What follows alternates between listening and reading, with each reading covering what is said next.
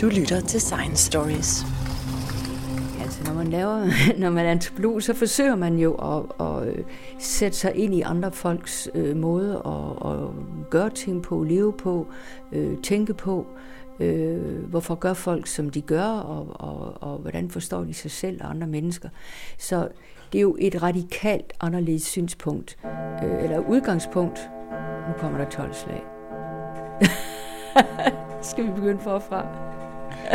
Vi lige vente til den bliver færdig i hvert fald. Altså, tiden falder jo i hak, det gør den jo jævnligt, øh, ikke mindst her i landet.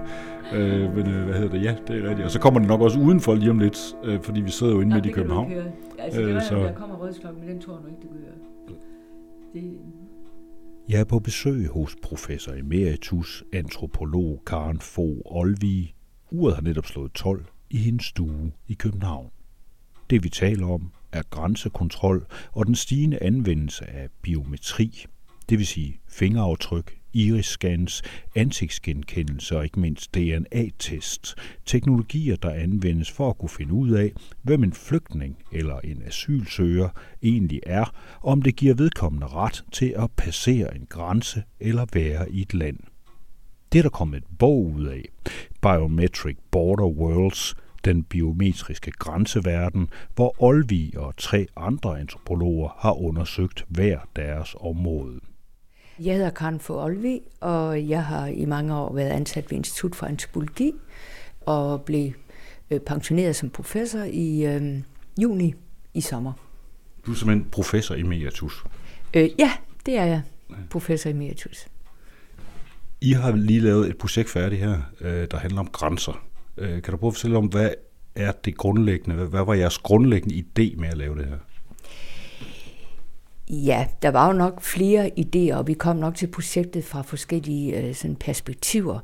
Men øh, ideen var i udgangspunktet nok, at vi var øh, nogle øh, stykker, som havde arbejdet med, med øh, migrationsforskning i en del år, og hvor vi interesserede os, og der interesserer man sig jo for grænser, fordi migration handler jo det om at, at bevæge sig over en grænse fra et sted til et andet. Og der havde vi så lagt mærke til, at, at øh, dokumenter jo havde fået en meget stor betydning i grænseoverskridelse. Man kan ikke bare gå over grænser, man skal kunne producere de rigtige dokumenter. Og der var så øh, blevet meget større fokus på biometriske dokumenter, altså øh, fingeraftryk, ansigtsgenkendelse også i de senere år, iris øh, genkendelse også. Så der blev vi så interesseret i at se på, hvad, hvad, øh, hvad betyder det, at man bruger øh, kropslige øh, karakteristika til at, at identificere folk og til at producere dokumenter, som, som skal kunne bruges til at, at verificere, at man, at man er en bestemt person, som har ret til at krydse en grænse. Jeg hedder Christina Grünenberg og øh, arbejder på Institut for Antologi at Jeg havde arbejdet med, øh, med alternativ behandling, hvor man også positionerer kroppen som sådan en form for sansirske. Og så kom, faldt jeg over en tekst af en norsk øh, forsker, som havde arbejdet med biometri. Og så tænkte jeg, wow, det er mega interessant. Og så kendte jeg jo nogle mennesker også, der var involveret i migration, og jeg har selv arbejdet med migration i mange år. Og så tog vi ligesom fat i hinanden og begyndte at udarbejde det her. Og grunden til, at vi synes, det var interessant, er jo, at øh, altså dels er det noget, der er meget op i tiden. Øh, det er noget, man taler mere og mere om, det her med de biometriske teknologier. Og dels var det interessant at se på det i den her migrationskontekst. I har befundet jer hver sit sted, kan man sige, i processen. I har ligesom delt det hele op. Hvor var du hen? Øh, jeg, var i, jeg kom til at sidde i nogle laboratorier, hvor øh, folk forsker i og udvikler de her teknologier og eksperimenterer med forskellige kropsdele, tager udgangspunkt i forskellige dele af kroppen, for at se, om, om de kan bruge det til at identificere det enkelte individ. Og så, øh, og så udvikler øh, automatiserede systemer, algoritmer, koder osv. ud fra det. Og udover det var jeg så i, øh, på konferencer rundt omkring i Europa, hvor folk mødes og diskuterer både de her teknologier, men også diskuterer sikkerhed øh, på europæisk niveau. øh, og så på, hvordan de her teknologier blev forhandlet i de sammenhænge. Antropologerne Perle Møl og Christina Grünenberg har også haft deres område i arbejdet med bogen Biometric Border Worlds. Christina Grünenberg har blandt andet siddet i laboratorierne, hvor de nye biometriske teknologier bliver udviklet, mens Perle Møl har befundet sig ved de såkaldte ABC-kontroller, Automatic Border Control. Men det at identificere, det består jo i at koble en eller anden form for kropsaftryk med nogle data, som man så betragter som identifikatorer, navn, adresse, alder, fødselssted osv. Så det er der, den identifikation ligger, og vi snakker jo om den som en eller anden form for meget overfladisk identifikation, fordi det handler ikke om, hvordan mennesker betragter dem selv, altså identitet i, det, i sådan en mere social sammenhæng, øh, eller hele det, der ligger i en kompliceret identitet, som ikke bare er de der helt få, lidt, lidt tørre data, kunne man sige. Mm. Folk de kommer jo ind, altså dem jeg beskæftiger med, de kommer ind med meget lidt øh, til at identificere sig med i virkeligheden. Nogle gange med absolut ingenting. Hvad gør man så? Jamen, det er jo så der, man tager de her fingeraftryk. Hvis, hvis folk har nogle dokumenter, som man, man kan, kan, kan kigge lidt på, så kan man jo prøve at vurdere, om de, om de juridisk øh, gældende der, hvor, hvor, hvor man modtager folk. Tit så gemmer folk faktisk også deres dokumenter, eller, eller smider dem væk inden, fordi de faktisk ikke, gerne, ikke så gerne vil genkendes, eller ikke vil identificeres, lad os sige det sådan, for der er jo en genkendelse. Øhm, så man, der vil man først og fremmest tage fingeraftryk af, af, af folk, der kommer ind, og ansigts, altså fotografi. Og det er ikke altid, at det fotografi så bliver scannet og bliver lavet om til en, en template, som kan sammenlignes. Det vil så være en, en helt almindelig visuel genkendelse ud fra et fotografi. Det er lidt afhængigt af, hvad det er for et system, man bliver, bliver fanget i, så at sige. Og det var faktisk der, hvor jeg kom ind i, i projektet, fordi jeg er visuel antropolog og har arbejdet med film og meget med billedets autoritet. Hvad er det, der gør, at et billede kan få den der fuldstændig endegyldige sandhedsværdi øh, om, et, om et menneskes identitet? Altså man bruger sit billede alene ikke? Som, som en identifikation. Altså bare de, de ID-kort, vi selv har, ikke? Hvor, hvor man ikke kigger på, på... Altså det, man kigger på, det er billedet. Så billedet er, altså det har vi en idé om, er, kan sige rigtig meget og har, har en eller anden form for juridisk øh, autoritet. Og det er noget af det, jeg har kigget på øh, også. Hvor lidt der skal til for, at, øh, at man rent faktisk kan, kan komme til at ligne det identitetsbillede, man rejser rundt med, så at sige. Karen Fogh Olvig jeg har i mange år øh, arbejdet med betydning af familierelationer i en migrationssammenhæng, og, og ved jo, at, at øh, familien spiller en kæmpe rolle i migration, og at man bevarer kontakt til, til slægtninge på tværs af grænser.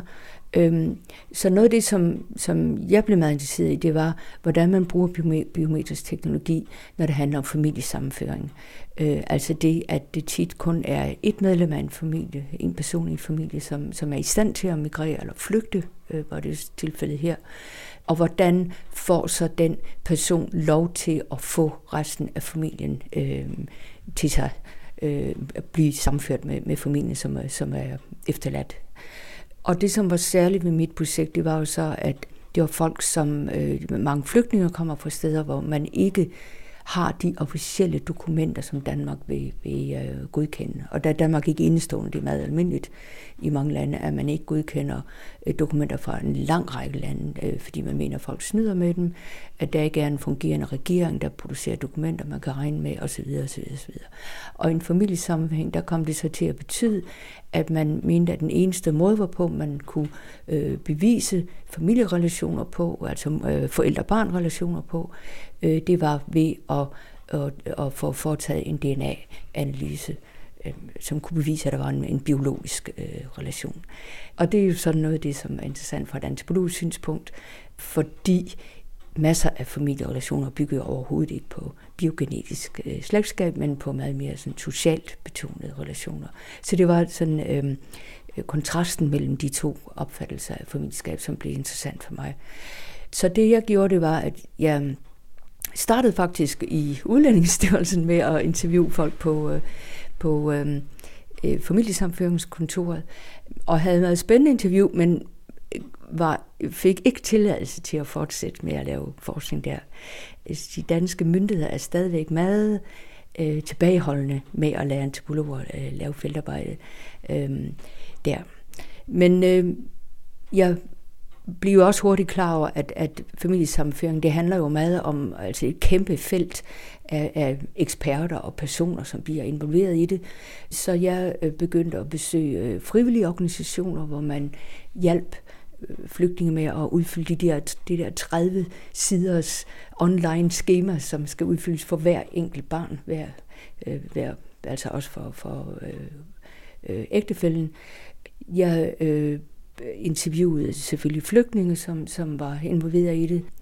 Jeg prøvede også at kon- kontakt med, med nogen, der havde mere sådan juridisk ekspertise. Øh, ja, jeg, vi, jeg var, vi var på Retsgenetisk Institut, Perler og jeg, hvor vi snakkede med dem, der, der stod for analysen af de her øh, DNA-analyser, og, og også øh, aldersbestemmelse, for børn skal også være under en bestemt alder. Og øh, så øh, endte jeg faktisk øh, ved nogle danske ambassader i Østafrika, hvor jeg øh, fulgte nogle øh, flygtninge, så hvordan de fik, øh, børnene fik, og, og møderne i det her tilfælde, hvordan de fik øh, taget DNA-analyser, og hvordan de opfattede Og fulgte faktisk også en, en ung fyr, som blev sendt til alders øh, undersøgelse på det lokale hospital, øh, fordi øh, udlændingsstyrelsen var usikker på, øh, om han var under 18 år, som var et krav. Ja. Så, så det var en meget spredt felt, øh, som jo nok er lidt usædvanligt for antropologien, altså at man spreder sig på den måde. Altså ikke bare, at man forfølger... Altså jeg, jeg gjorde sådan set det, jeg forfulgte et bestemt emne, der hvor det bragte mig. Og det var jo så lige fra, fra Udlændingsstyrelsen til de der øh, frivillige organisationer, til flygtninge, til ambassader. Altså det, øh, jeg, jeg prøvede virkelig at komme rundt om emnet, der hvor, hvor, hvor det udspillede sig i forhold til den her biometriske teknologi. Mm. Det her med, altså man, man vil simpelthen gerne have aldersbestemmelse også på dem, altså ja. finde ud af, og det kan man godt via DNA. Ikke særlig godt faktisk. Øh, øh, man, man bruger jo forskellige teknikker der. Der bruger man øh, knoglescanning, øh, røntgen af tænder, og også en somatisk undersøgelse, hvor man simpelthen ser på, hvordan barnet ser ud. Men det er en meget unøjagtig undersøgelse. Det er man, det er man udmærket klar over, at det er faktisk. Men man bruger den alligevel, til trods for, at, at øh, sikkerheden er, er et eller andet med, med øh, måske 85 procent med plus minus et år.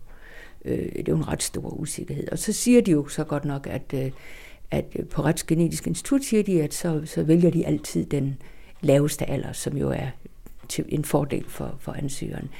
Men jeg har altså også set tilfælde, hvor der blev lavet en, en, en øh, aldersundersøgelse i udlandet, hvor, hvor barnet var, og hvor man her i Danmark har, har så øh, hævet alderen, øh, til trods for, at man jo ikke har set barnet, og, og jo jeg, jeg, ved, jeg, jeg har aldrig kunne finde ud af, hvorfor man hævede aldersgrænsen. Det gjorde man og, og nægtede så sammenføring med det barn. Så det, det er jo så et af de sådan problematiske øh, tilfælde, hvor, hvor hvor man bruger en meget usikker teknologi, som har enormt store konsekvenser for, for dem, der, der syger om, om, ellers, om, om øh, familiesammenføring. Christina Grünenberg.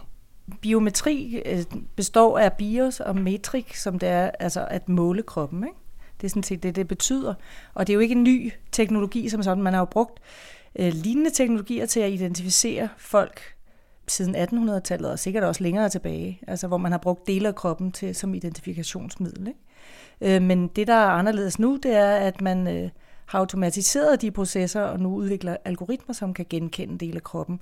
Og det er typisk, øh, altså den, me, den ældste teknologi er jo fingeraftrykket, som jo også har den der øh, tråd tilbage til 1800-tallet. Men så er der øh, irisgenkendelse, altså øje, både iris og retina, som man bruger. Så er der ansigtsgenkendelse, som Perle blandt andet også har arbejdet med. Øh, så er der øh, venegenkendelse. Og så er der, udover almindelige fingeraftryk, så arbejder man også i dag med det indre fingeraftryk, det der ligger ned under det. Det ydre fingeraftryk, sådan folk, der forsøger at snyde ved at slide det af, øh, ikke ligesom kan snyde, fordi man kan se det spejlvendte fingeraftryk, der ligger nedenunder det øverste udlag. Øh, og alle mulige andre former for teknologi. Det kan også, også hjertebanke, rytme for eksempel. Altså hjertefrekvensrytme er også noget, man arbejder med. Øh, så det, det er nogle af de ting, som de sidder og nørder med på laboratorierne. Ja, når man når man sidder når, altså hele tiden kommer længere ind i kroppen for at finde noget der virkelig kan altså differentiere individer fra hinanden, ikke? eller registrere dem. Så, så for eksempel, når man går ned under fingeraftrykket, det ydre fingeraftryk, så man øh, forhindrer det, som Anja, vores kollega, jo blandt andet har kigget på. Øh, hun har fuldt somalier, som bevæger sig nordover, og som øh, øh, er, er i Italien, de fleste af dem. Hun har jo blandt andet kigget på, eller har nogle tilfælde, hvor folk har forsøgt at slide fingeraftryk af. Og der, det, kan man, det prøver forskerne så at imødegå ved at finde et fingeraftryk, der ligger endnu længere ind i kroppen, ikke? så man forsøger at bevæge sig endnu længere ind til hjertet, altså ind, helt ind i kernen af mennesket, eller hvad man skal sige, ikke? for at finde en teknologi, der, der er endnu mere præcis. Og forskerne sidder selvfølgelig ikke og tænker på det fingeraftryk der, men de tænker bare på at, at, ligesom at, at gå ind og finde noget, som er endnu mere interessant. Og øh, altså jeg, har også, jeg talte også med en del migranter i Spanien, da, det var et af de steder, hvor jeg lavede mit feltarbejde. Og det, det de ligesom fortalte, det var, at de for at omgå nogle af de her øh, teknologier, så valgte de en grænsepost, hvor de vidste, der ikke var det. Altså hvor de teknologier ikke var der. Men i øvrigt, så, øh, altså noget af det, som forskerne også sagde, det var, jamen altså, hvis man vil over en grænse, så er det jo stadig langt nemmere bare at købe sig til et pas, yeah. end at forsøge at, at skabe et falsk fingeraftryk.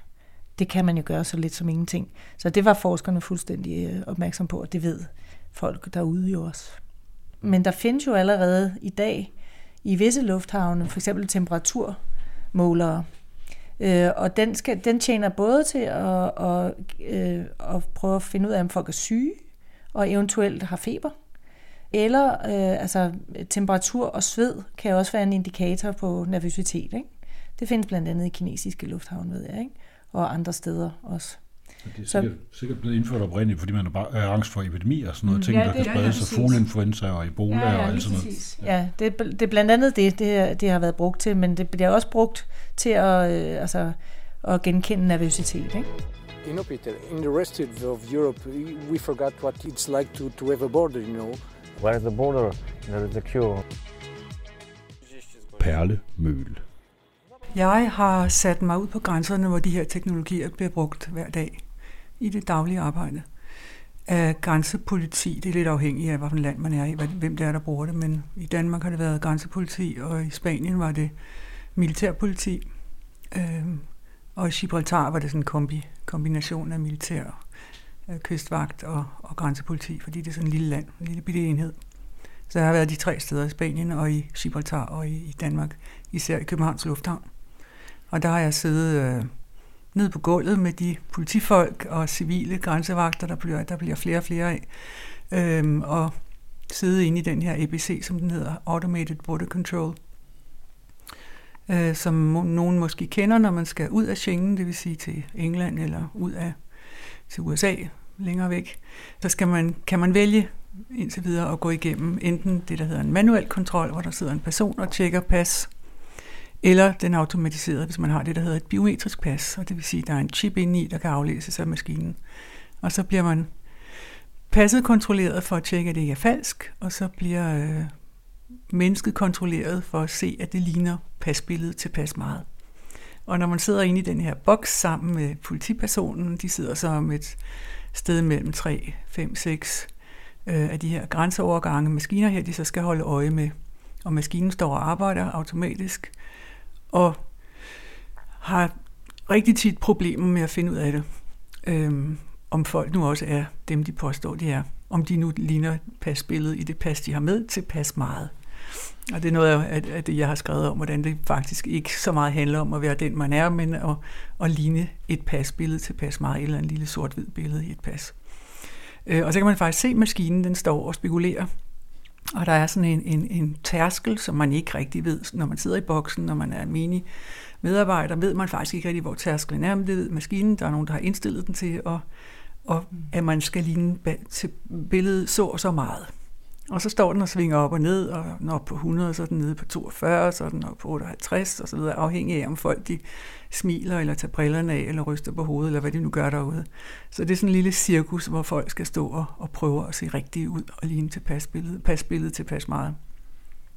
Og når de så ligner det tilpas meget, er kommet op over den her øh, tærskel, så åbner glasdøren, og så kan de gå ud i friheden igen. Men i den periode, de står derinde, der, fylder de, der, der aner man jo ikke, når man står inde i den der boks der, hvad, hvad det er, der foregår, og hvad det er for nogle data, der bliver aflæst, og hvor det ryger hen, hvem, hvad det er, det bliver holdt op imod. Det kan man i nogen grad se, når man sidder inde i, i boksen hos, hos, hos politifolkene. Der kan man i nogen grad se, hvad det er, der foregår, hvis man har tid til at kigge efter. Og så indimellem, så dukker der noget op på en anden skærm, hvis man har husket at tænde den, eller logge ind, og så øh, er der forbindelser ud til, når, når pasdataen er blevet scannet, så er der forbindelser ud til øh, de sædvanlige øh, politi, europæiske, internationale og danske øh, politidatabaser, som materialet så bliver holdt op imod. Og der dukker godt nok nogle spændende ting op, sådan meget tit. Fordi den vil, det system vil, lige så snart der er et fornavn øh, og nu et par numre i et pas, der svarer til en eller anden eftersøgt person, så bonger de ud derover, og så skal man skynde sig over og kigge, og så bliver der rødt på skærmen ved, ved ABC'en, og der, døren er lukket, og personen står derude og, og kigger sig lidt omkring og kan ikke finde ud af, hvorfor døren ikke lukker op.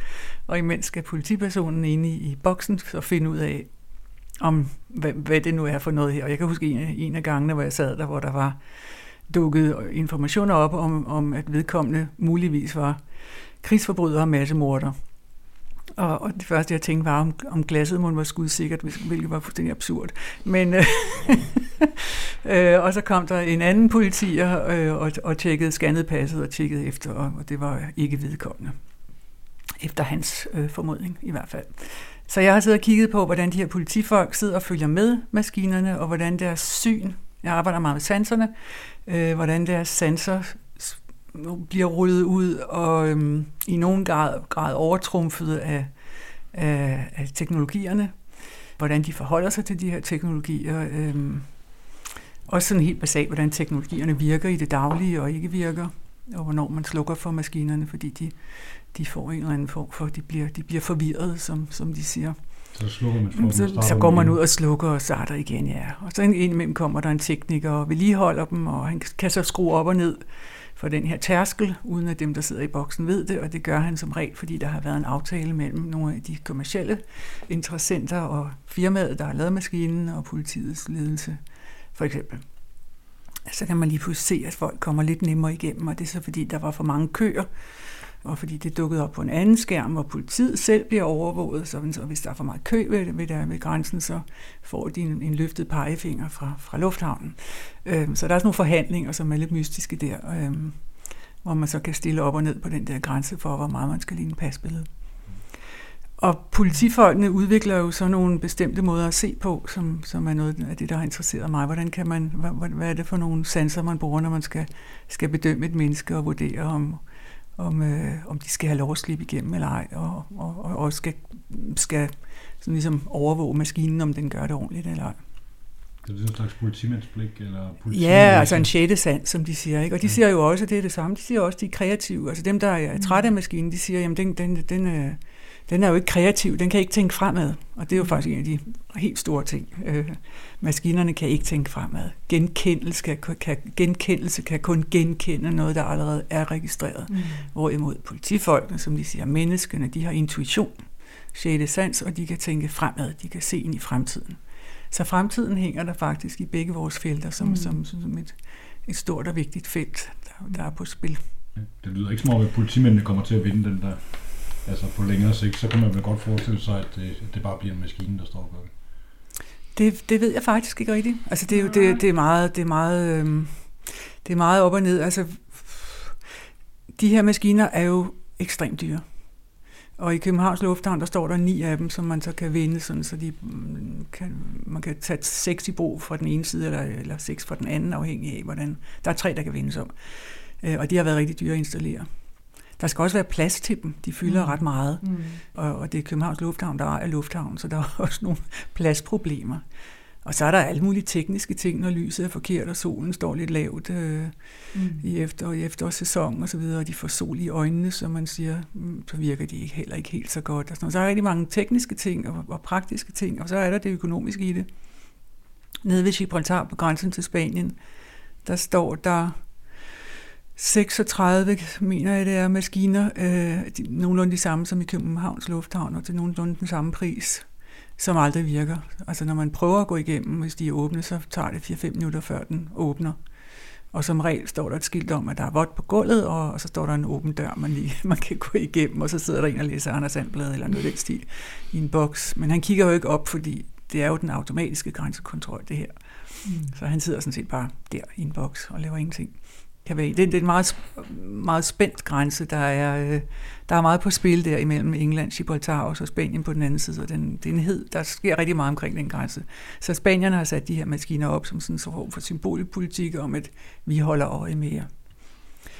Og jeg tror i høj grad, at de maskiner, der bliver sat op rundt omkring, lige så meget er for, skal have en eller anden form for afskrækkende virkning bare de er der, så kan man have sådan en fornemmelse af, at der bliver gjort noget, og at det her er en effektiv grænse. Men faktisk er det, er det de manuelle, som man kalder det ud i Københavns Lufthavn i hvert fald, politifolk, der har den største gennemstrømning. Karen Fogh Olvig Faktisk er der en forsker, der har sagt, at, at hvis, øh, hvis øh, danskere skulle opleve det at blive flygtninge og ikke have øh, dokumenter, som bliver øh, anerkendt, så vil mange familier have kæmpe store problemer i virkeligheden. Altså der var de her sammensatte familier, hvor børn vokser op hos folk, som, som de jo ikke nødvendigvis er, har en, en biogenetisk forældre-barn-relation øh, altså hvor der ikke er sådan en relation. Øh, så så ja, man skal selvfølgelig også passe på med at sige, at den, den der kæmpe forskel mellem danske, øh, danske familierelationer og, og de familierelationer, som flygtninge har. Øh, men det man kan sige, altså jeg, jeg er med at arbejde en del med somalier, øh, og det man må sige der, det er, at, at det jo har jo været en meget mobil befolkningsgruppe, som har levet i nogle omgivelser, der hvor der har været sådan ret prekære, hvor man altså blandt andet har bevæget sig meget rundt for at og, hvad skal vi sige, klare sig så godt man nu kunne i de her lidt vanskelige omgivelser. Og hvor man har været, lagt meget stor vægt på, at, at familien hjælper hinanden. Øhm, og, og der, der har, og også at, at, at man var meget parat til, at, at børn kunne vokse op i en anden familie, hvis man nu så, at der var rigtig meget bedre muligheder med den familie, øh, end hvis man blev hos de biologiske forældre. Altså for barnets skyld ville man så hjælpe øh, de barn, og så var, kunne det selvfølgelig også være en investering, så kunne de barn så hjælpe forældrene igen. Øh, men, men meget sådan relativt flydende, mobile øh, familierelationer, hvor man kan sige, øh, samfundets velfærd lå i familierelationerne. Og det er jo den tankegang, de har haft, da de kom til Danmark. Og det har man jo så været temmelig utilfreds med en dansk sammenhæng, fordi man fandt jo ud af, at der var masser af de børn, der kom, at der begyndte at lave øh, øh DNA-analyse, fandt man jo ud af, at der var et meget stort antal af de her børn, som, som ikke var biologiske børn, øh, men hvor øh, nogle af dem var kommet hertil, fordi de simpelthen voksede op i familien, øh, fordi måske deres forældre var døde, eller, eller andre grunde, og så man må jo sige, at de, de var en del af familien, det kunne man jo gerne, mens andre måske var kommet, fordi man kunne se en mulighed for at hjælpe nogle børn, som man frygtede ellers måske ville dø i en flygtningelejr, eller, eller havde meget store vanskeligheder, så dem havde man så taget, taget til sig, nogle gange under en flugt simpelthen, hvor det hele var fuldstændig kaotisk, fordi øh, øh, krisen eskalerede jo meget, meget hurtigt i, i Somalia der øh, først i 90'erne.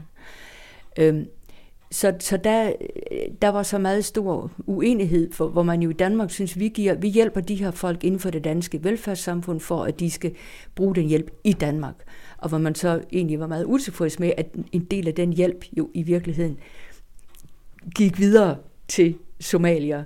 Dels i Danmark, som slet ikke har ret til at være her efter dansk lovgivning, og dels også til Somalia i, i øh, flygtningelejre, som de somaliske flygtninge her synes, at de var forpligtet til at hjælpe med. Så det er jo lige så meget en, en, en ændring i, eller meget forskellige samfund, øh, som har fungeret efter forskellige præmisser, og hvor vi gerne vil lukke velfærdssamfundet af i forhold til omverdenen. Det er jo noget, vi kender med i hele, hele øh, migrationsdebatten, at vi vil, ikke, vi vil ikke sprede vores velfærd, vi vil have, at den skal, den skal bevares her inden for grænserne øh, og gives til folk, der er danskere.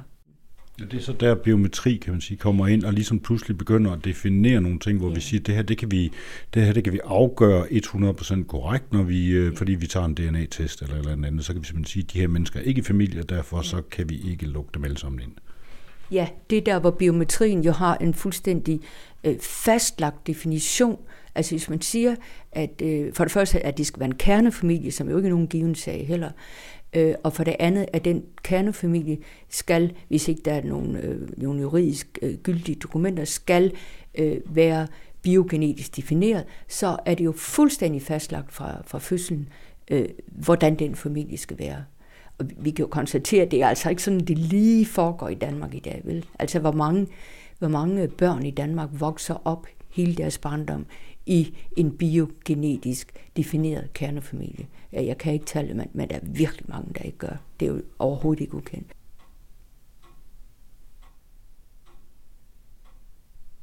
Christina Grünenberg.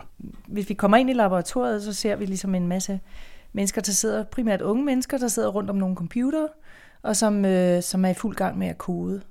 Og så koder de ud fra ofte billedmateriale i virkeligheden. Ikke?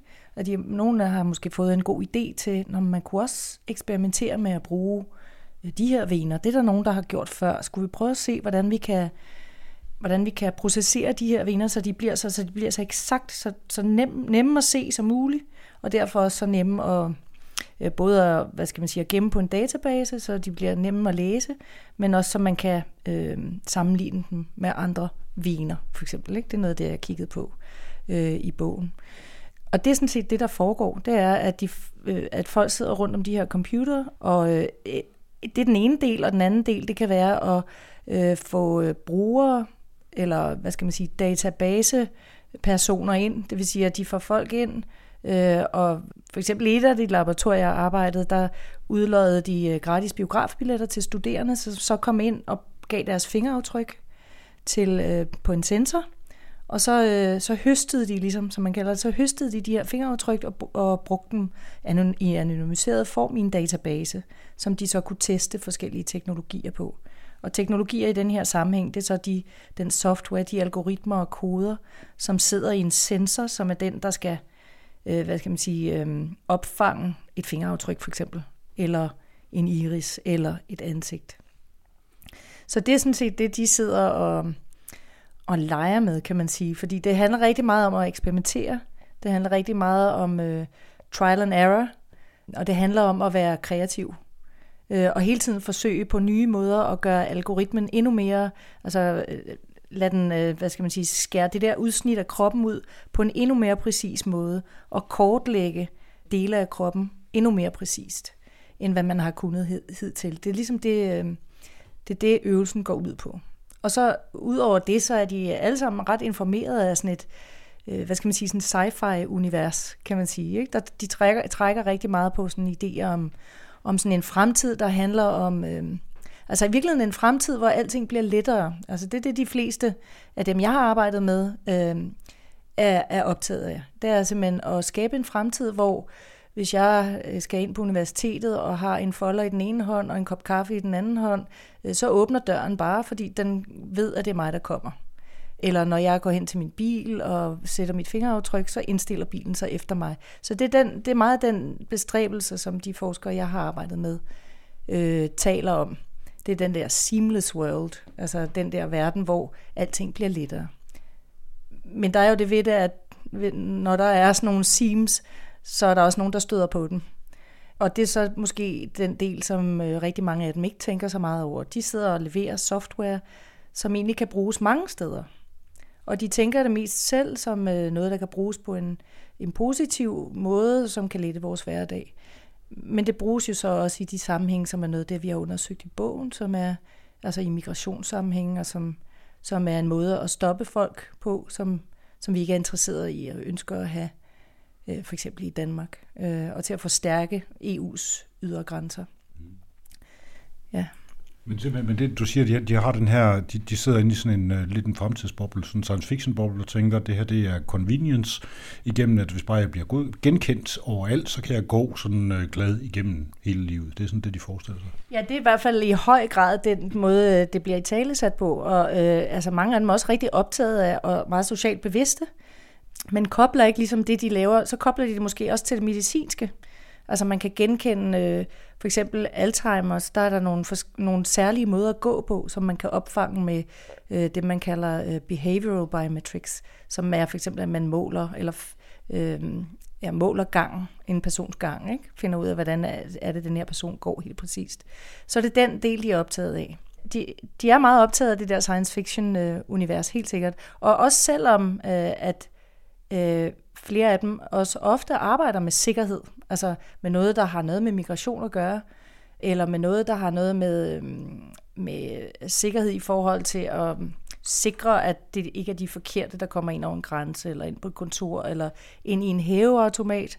Og det gør de i et af de, et af, et af de andre laboratorier, jeg har været på. Så der sidder de for eksempel og arbejder med ansigtsmasker, for at øh, sikre sig, at algoritmerne kan lære at genkende øh, øh, masker, lavet af forskellige øh, materialer. Men selv i den sammenhæng, der bliver det lidt mere sådan en form for leg. Selvom det er alvorligt, altså det er jo alvorligt, og de får pengene til det, fordi det er alvorligt. Men øh, så bliver det også en form for eksperimentering og en form for kreativ leg med de her materialer. Og hvad kunne man så forestille sig, hvis nogen skulle ind over en grænse? Hvad kunne man forestille sig, de så ville gøre? Så skal de tænke ud i fremtiden og tænke over, hvad kunne det være for nogle materialer? Altså, man ved allerede, at man kan bruge en vingummibamse, og så faktisk producere et falsk fingeraftryk. Ikke? Øh, så det er sådan nogle ting, de så sidder og, og leger med os. Ikke? Og nu, altså, det er ikke for at underkende, øh, hvad skal man sige, øh, alvoren i det, de også laver, men det er meget den der eksperiment, eksperimentering, som er i fokus.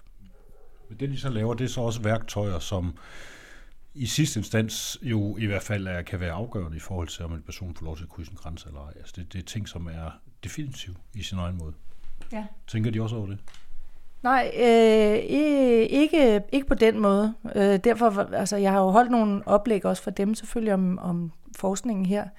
Øh, og det var der også flere af dem, der var vældig bestyrtet over. Altså, fordi at det var ikke den vej, de havde tænkt deres indsats så, øh, så nej, det, det generelt vil jeg sige, at der ikke den helt store bevidsthed omkring den del af det. Andet end, at så kan man sige, at det, det, der, så, det der så ligesom kan blive sagt, det er, jamen, altså jeg producerer jo øh, hvad skal, grundlaget for teknologien, men det er jo ikke mig, der bestemmer, hvor den anvendes. Og det er jo sådan set rigtigt nok. Det gør de jo for så vidt ikke. Men nogle gange bliver de jo også bedt om at lave ting, og, det, og de øh, har brug for de penge, der kommer ind til at fortsætte deres forskningsbestræbelser. Så der er jo også ligesom en fødekæde der, som, øh, som vi egentlig på universitetet alle sammen er en, øh, på en vis måde er en del af, øh, men som jo er særligt for dem, kan man sige, fordi det de, det, de laver, har, kan have så store konsekvenser. This is Frontex Situation Room. On this screen, you clearly see the migratory flows coming into the European Union. This is what we call the Central Mediterranean route. So, migrants and refugees coming from Libya. We have to keep in mind that Behind each of these green dots, there is a boat carrying over 100 people. There have been many victims that we know of, uh, and there were also many lives that were lost that we will never know about. Perle Møl. En af de ting, vi har kigget på, øhm, det er blandt andet, hvordan forskere sidder og kigger på alder og på familieforhold, øh, og laver DNA-analyser og analysere røntgenbilleder for at se, hvor gamle folk er, for, for at finde ud af, om de kan blive familiesammenført, om de er børn eller om de er voksne. Mm. Øh, og der har de, det er der så nogle institutter rundt omkring, der gør, af forskere, der kan den slags. Øh, og de har nogle fejlmagner. Men de fejlmagner, det kan for eksempel være, man kan sige, barnet er, eller mennesket er omkring 17 år, men der er en fejlmagn på to år til hver side. Så vedkommende kan faktisk være 15, eller vedkommende kan være 19. Men det, der sker, når den viden, de så laver i deres sammenhæng, som har at operere med alle de her fejlmagner. Mm. Når den flytter over i en, i en domstol, eller i et ministerie, eller i en anden institution, der skal tage en, afs- en beslutning, så bliver den ikke til så og så mange variabler og så og så mange usikkerheder, så bliver den til ja eller nej. Så der sker altså også noget, når det, mm. nogen laver på et felt, kommer over i et andet felt, hvor, hvor, hvor måden at tænke på og arbejdsbetingelserne er nogle fuldstændig anderledes. Mm. Og det tror jeg også gælder sig for, for laboratorierne, at de, de ting, de sidder og arbejder med, de, kan, de, kan være, altså de skal jo være kreative, de skal jo lege for at nå frem til nogle resultater. Det tror jeg er en, en indbygget del af forskning generelt. Men, men det, at den viden og de resultater, de producerer, ryger over i et helt andet domæne, hvor det bliver appliceret, hvor det bliver brugt. Det har nogle, øh, det har nogle konsekvenser, som man ikke altid helt kan overskue, når man sidder i, i sit eget lille hjørne. Og det er jo noget af det, vi har gjort som antropologer, det er at kunne se på over, de der overgange, hvor tingene går fra et domæne til et andet. Mm. Og det er også derfor, vi har arbejdet i forskellige felter. Mm. Men det kendetegner jo netop det her, det, den, al den her teknologi, den i hvert fald i udgangspunktet, så er den jo ikke myndet på os, der sidder indenfor. Mm. Den er ment på dem, der prøver på at komme ind øh, i landet, og som vi skal have genkendt eller identificeret på længere sigt. Altså, den er dybest set er den, er den, det, den bliver lavet for. Men den ender også med os i virkeligheden at ramme, eller komme til, og, og det er noget, som vi også indgår i. Altså i hvert fald som danskere har vi nu biometriske pas jo, hvor vi faktisk har, vi har mm. prøvet at køre dit eget pas igennem derude. Det har jeg. Ja, hvad ja, ja, det har jeg. Jamen, jeg, havde, jeg ligner på for meget forskellige vis, afhængig af de gange, jeg har gået igennem. Men altså samme dag, så kan man se, at, øh, at at, at jeg ligner ikke nødvendigvis mig selv særlig godt. Nej. Øh, jeg prøvede som ind også at køre med min søns pas igennem for at se, om jeg kunne ligne ham. Og der var så en af, af betjentene, der så også prøvede at gå igennem med hans pas. Og han lignede ham lidt mere, og det synes de alle sammen var ret morsomt. Men øh, øh, de fleste af de her teknologier, de, altså de er jo ikke nødvendigvis myndet på grænser. Mm. I hvert fald i dem, vi forstår i klassisk forstand grænser de er jo generelt, de bliver jo generelt udviklet til alle mulige typer. Det er jo alt sammen kontrol. Det er jo alt sammen identifikation og dermed kontrol. Så det er alt sammen noget, der har noget med noget kontrol og adgang at gøre. Men, men de bliver ikke nødvendigvis udelukkende ud, øh, udviklet for, for at blive brugt på landegrænser. De bliver lige så meget udviklet for at blive brugt inden for landegrænser og inden for kontorer og på diskoteker, hvor man kan blive scannet og alle mulige andre på smartphones, ja. ja. Altså markedet, jeg tror, hvis man havde sådan et meget snævert marked som, som grænsekontrol, som jo, jo det er stadig relativt snævert, så vil man ikke, øh, altså det vil man ikke kunne leve af. Altså de algoritmer, der bliver lavet, ikke? så kan det godt være, at nogle af maskinerne, de, kan, de er specifikt er til grænsekontrol. Øhm, men de algoritmer, der bliver anvendt i dem, er, er, kan være til en meget bredere anvendelse.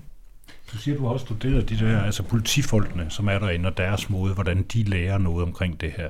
Kan du fortælle om, hvordan, hvordan ser de, altså hvad, hvad er deres værktøjer, kan man sige, til at bedømme en eller anden person, når han skal igennem? Deres værktøjer, det jo, altså ude i lufthavnen, der har de, når de sidder i den manuelle kontrol, som det hedder, hvor der ikke er, der er en passcanner og en fingeraftryksscanner. Øhm, der har de en højdemåler, så de kan se, om folk er nogenlunde så høje, som der står i passet. Øh, det er nogle striber på en boks.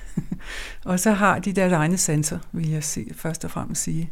Så de mærker på passene, og de lugter til passene, og de øh, scanner ned for papirerne, ud på menneskene foran dem, og ud på, på øh, dem, der står i køen for at se, om de flytter kø, eller om der er lidt mærkelige bevægelser derude, så de har sådan en, der hedder ned, op, ud, ned, op, ud, lærer de at scanne med deres øjne. Og så lytter de selvfølgelig rigtig meget til, hvad folk siger, og om de historier, folk fortæller, hænger sammen. De, øh, de små, små snakker sådan med folk om vejret og alt muligt, for ligesom at få en eller anden lille bevæggrund for at frem, forestille sig en eller anden fremtid. Øh, både en fortid, men også en fremtid. Hvad er det, den her person vil og skal og har i sinde? Og så bygger de sig sådan en eller anden billede af en eller anden person, som måske er fuldstændig misvisende, men det er så den lille figur. Øh, det er i hvert fald noget af det, jeg, jeg skriver om. Det er sådan en lille imaginær figur, som de i virkeligheden vurderer. Det er jo ikke en, en person, det kan de jo ikke nå på de der 20 sekunder, de har i alt øh, per person. Så de får lavet en eller anden, de samme stykker med alle de her forskellige informationer, en eller anden idé om, hvem det er, der står foran dem, og hvilken, hvilke intentioner de har øh, og så lukker de dem ind eller, eller ej. Ja, og når teknologierne, og der, der er flere, der, der siger det der, som jeg sagde før, med at, at, at mennesker, et menneske er kreativt, eller jeg er kreativ, jeg har intuition, det har maskinen ikke. Der kan bare blive skruet på den. Øh, så det er helt, det er helt klart, at det, øh, det er noget, mange af dem har en, en, eller alle har en holdning til, og, og der er en del, der, der simpelthen ikke vil arbejde med den maskine. Så er der nogen, der elsker den og synes, det er sjovt og synes, det er underholdende at sidde der og se på det her lille cirkus, der opstår hver gang, der står et menneske derinde. Øh, mm. Det er sådan lidt forskelligt, jeg er meget altså, jeg er afhængig af, af den enkelte. og jeg, jeg må jo sige, at jeg selv også var lidt fascineret af det, af hele maskineriet, om jeg så må sige, inklusive de mennesker, der arbejdede der, og de mennesker, der stod derude. Jeg synes ikke nødvendigvis, det var sjovt, men, øh, men det var da sjovt, når man testede sit eget pas, og det var da interessant at se, hvordan folk reagerede, og, og også at se alle de fejlmagner, som maskinen jo immer væk arbejder med øh, og alle de ting, der kunne gå galt, når det, når det gik galt. Og det er jo selvfølgelig, når man siger, at det er sjovt, så er det selvfølgelig holdt op imod den her idé om den, den ideelle, sikre, 100% vellykkede grænse på grund af alt det her lækre, dyre, nye teknologi, som vi har valgt at investere i, og derfor bliver nødt til at bekræfte virker. det tekniske fix, som man skal ja, gamle Ja, ja. Eller det der, vi kaldte det digitalt sublime, eller det teknologisk sublime, det der lidt overmenneskelige. At det er uberørt af menneskehånd, og det er på en eller anden måde opstår af sig selv. Mm. Øhm, og at det ikke har alle de her fejl, som mennesker har. At det ikke har fordomme, og at man kan sætte det til at køre, og så kører det i timer og dage og år, øh, i modsætning til mennesker. Jeg tror, det skal ses som en, en modsætning til det besværlige brugeren, mennesket. Alle de fejl, som vi mennesker er behæftet med. Der er det digitalt sublime. Det er, det kan vi lide, og det virker, og det kan vi, vil vi gerne investere i. Karen Fo Olvig. Så har de så fået et, øh, et, et øh, sådan en lille pakke sendt med, med øh, den der prøve, der skal foretages. Så så kommer familien ind, i, der er sådan en adskilt gård på ambassaden, hvor, hvor de kan komme ind. De kommer ikke ind i selve kontoret, de kommer ind i gården, og så er der så en ambassadeansat, som øh, går om i gården med det her udstyr. Og der i det udstyr, der er sådan en plade, hvor, hvor man skal øh, gnide spyt er det jo øh, på. Og så er der en vatpind, øh, det er vist nok skumgummi, men i hvert fald den der pind, som man så øh, stikker ind i munden på børn eller, eller forældre, og gnider kinden, et, et mundskrab hedder det, øh, så kommer noget spyt på, på skumgummien, og den, den øh, øh, duber man så på den her plade, så, så den bliver øh, lidt, det er sådan en pap, lille papplade, øh, øh, hvor så bliver øh, det her stykke øh, hvidt, og så kan man se, at nu er der så sådan en, en DNA-prøve, øh, som kan analyseres. Og så, når det er børnene, så får de øh, en slikkepind bagefter, så man tager noget spyt og giver en slikkepind, øh, og så er børnene jo glade. Og den dag, jeg var der, der, der var de... Øh, der, hvor de, de laver kun de her undersøgelser øh, hver anden uge. En, en eftermiddag hver anden uge. Øh, og så altså, laver de så det her mundskrab, som så ender i den der prøve, som så bliver pakket ind i en konvolut. Øh, man øh, pakker familiernes øh, øh, prøver øh, sammen øh, i, og sender dem i en konvolut til, til øh, Retsgenetisk Institut i København, og der bliver de så analyseret, og, og man afgør, om der så er de her biogenetiske slægtskab. Nu har vi så fået den her altså netop altså biometrisk teknologi, som kan gøre alle de her ting, og som kan sætte tingene op. Ændrer det simpelthen ved, øh, hvad skal man sige, ved selve vores, øh, altså både ved vores måde at være sammen på, men også ved vores øh, opfattelse af os selv som, som en del af noget, altså en slægt, eller hvad det nu ellers er? Altså der, der tror jeg, at, at danskere er jo ret sådan øh, uafklaret, fordi jeg synes jo egentlig, at danskere har jo været meget hurtige til at snakke om rigtig, rigtig familie som, som den biologiske. Ikke? Altså det er en ret stærk model, vi har i, i Danmark. Og, og der er jo sådan også en idé om, altså at, at, øh, at der i kroppen ligger et fundament for, der sådan kan bevise, hvem man er som person. Folk er jo enormt optaget også af at få lavet sådan nogle DNA-analyser. Øh, jeg, jeg var i London sidste uge, og, og der, der var øh, sådan en virksom, en butik, hvor man solgte DNA-analyser, som kunne øh, gøre det meget lettere for en at, at, at shoppe. Altså så vidste man, hvad, hvad man var glad for, hvad man godt kunne lide, fordi det kunne den der DNA-analyse, den kunne sådan øh, give et, et, sådan nogle gode fingerpeg om, hvad, hvad man var for en person. Så jeg tror egentlig, det er en ret stærk øh, model, man har, og som, som, som øh, altså den her fixering på den biometriske teknologi, den er virkelig sådan forstærket. Jeg ved ikke, om, jeg, man, jeg ved ikke, om den giver bagslag på et eller andet tidspunkt, så indtil videre, der kører den bare derud af, virker det samme på mig, ikke? Altså, at, at hvis man skal virkelig kende sig selv som en rigtig person, så, så skal man så skal man kende alle ens øh, øh, altså gener og, og dispositioner, sådan øh, rent genetisk og biologisk. Altså det, det, er jo, det er jo ret specielt faktisk. Så, så jeg tror, det er en stærk folkemodel, og, som, som altså indtil videre virkelig... Øh, øh, altså, der er mange mennesker, der, der tror på og går op i. Det kan være, fordi det er sådan et ønske om, at der, der har man noget, der er fast. Ja, jeg tror, det, det kan meget være, altså, at det netop er, er, er noget, der sådan er fastlagt, og som sådan en eller anden grundsten, man kan forholde sig til. Og det er jo meget sjovt, at de kommer på et tidspunkt, hvor de sociale relationer er jo enormt flydende, og altså man flipper rundt fra det ene forhold til det andet, og, og altså, der, der kan der godt være, at det bliver set som sådan noget, øh, altså sådan en grundsten, man, man kan virkelig øh, hvile på, og så, så har man fundet sig selv på en eller anden måde. Men det er også den der idé med, at man skal finde sig selv, ikke? Altså, det, det var meget for langt, ikke? Man skal finde sig selv. og, og have sådan en grundlæggende forståelse af, hvem man er som person. Altså, vi er jo meget optaget af os selv i det hele taget. Øhm, der, der tror jeg, at, at, at man altså i andre sammenhæng vil jo mere finde sig selv i de relationer, man har til andre mennesker, og, og det, det gør vi jo også, men det er klart, de, de er jo mere omskiftelige, og noget, hvor man hele tiden selv skal være opmærksom på hvad andre mennesker, hvad deres behov, og hvad de gerne vil osv. Det er jo ikke det samme som at, at finde sig selv og sin ident, sande identitet og, og ens egne behov og sådan noget, som jeg synes, vi er enormt fixeret på faktisk. Så det, det passer meget fint ind i det mønster i hvert fald, at de her biometriske teknologier. Kunne du selv finde på at tage sådan en, øh, sådan en frisk lille gentest, når du alligevel var i London for at finde ud af, hvad du har lyst til at shoppe? nej, nej det, det kunne jeg altså faktisk ikke øh, finde på. Øhm, så det, det, har jeg ikke, øh, det har jeg ikke overvejet. Og jeg synes jo også, det er lidt trist, altså at det er jo lidt trist, når man sådan reducerer øh, personer og, og relationer til til noget, der, kan, der er fastlagt i en, en DNA-prøve. Altså, jeg læste jo Folketingets debatter i forhold til, da man begyndte at indføre DNA-undersøgelser øhm, øh, øh, ved familiesamføring. Det, det skete i, i midten af, af 90'erne. Øh, ret tidligt i Danmark faktisk, 697. Og der, der, der var der jo folketingsmedlemmer, der sagde, at det var godt at kunne gøre det, fordi så kunne man skelne mellem rigtige og falske øh, slægtninge, rigtige og falske børn. Så, så der, der bliver de der, der ikke kan defineres på mig, de bliver simpelthen falske. Altså, det er jo ret stærkt, ikke?